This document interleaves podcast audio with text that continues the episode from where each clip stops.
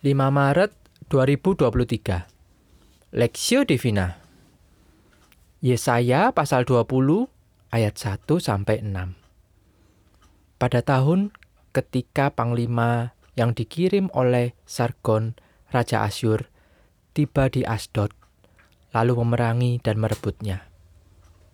Pada waktu itu berfirmanlah Tuhan melalui Yesaya bin Amos firman-Nya Pergilah dan bukalah kain kabung dari pinggangmu, dan tanggalkanlah kasut dari kakimu.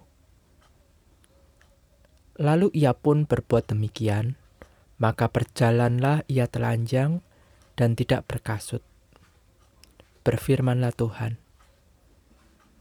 seperti hambaku Yesaya berjalan telanjang dan tidak berkasut tiga tahun lamanya, sebagai tanda dan alamat terhadap Mesir dan terhadap Ethiopia.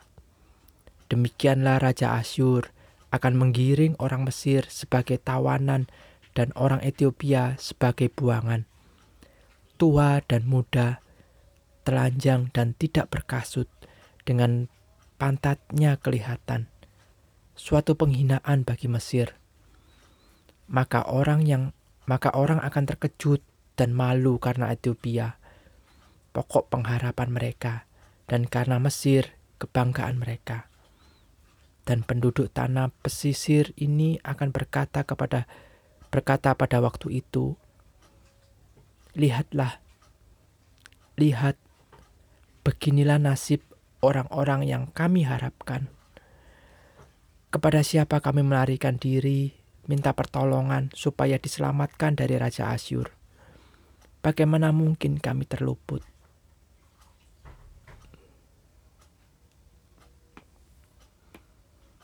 Jangan andalkan Mesir perspektif.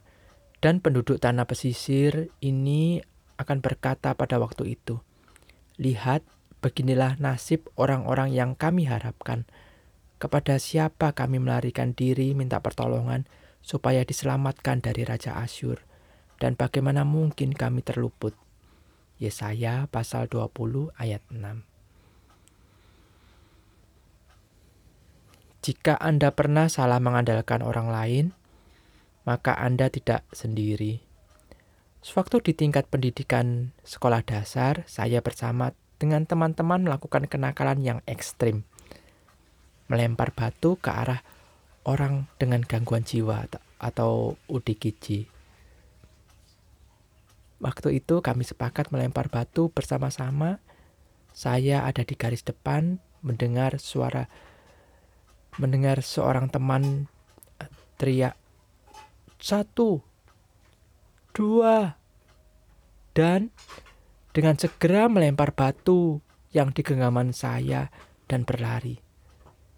Setelah melempar, saya berbalik dan menemukan teman-teman saya telah lari duluan dan meninggalkan saya bersama amarah orang tersebut. Saya telah salah mengandalkan teman. Saudara, ini adalah cerita sepilih. Namun, apa jadinya jika kehidupan kita saat ini bergantung pada sandaran yang salah? Bagaimana jika orang yang kita percaya ternyata tidak mampu menyelesaikan persoalan kita? Hari ini, bacaan firman menjelaskan bahwa hanya Allah yang dapat diandalkan.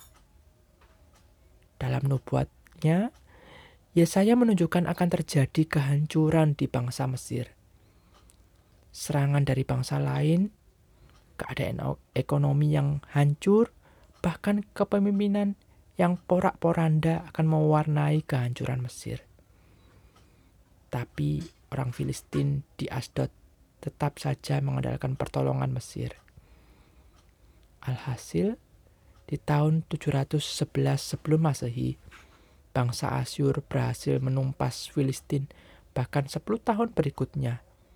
Mesir jatuh ke tangan Asyur sesuai nubuat Yesaya. Allah menunjukkan hal ini kepada bangsa Israel sebagai peringatan agar jangan mengandalkan Mesir Mesir memang bangsa yang besar, Mesir adalah negara adidaya dengan segala sumber daya yang mereka miliki. Wajar saja jika bangsa banyak banyak bangsa-bangsa lain yang dahulu mengidolakannya, menjadikannya sebagai tanda petik pengganti Allah. Saat ini, Mesir melambangkan seseorang atau sesuatu yang dapat menggeser kedudukan Allah dalam tahta hati kita.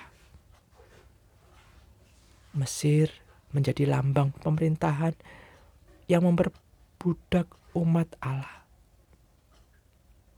Bisa saja wujud nyata dari Mesir dalam kehidupan kita ini mengambil rupa sebagai uang, kekuasaan, seks, pekerjaan, atau bahkan orang yang kita sayangi.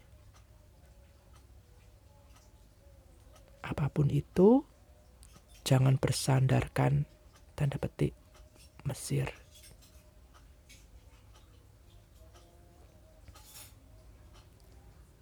Studi pribadi Apakah yang saat ini Anda genggam erat dan takut kehilangan?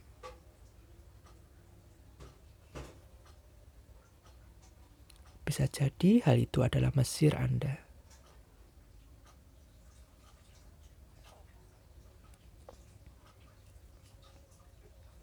Pokok doa, doakan pemerintah Indonesia yang kita percaya sebagai institusi untuk menyatakan kebenaran.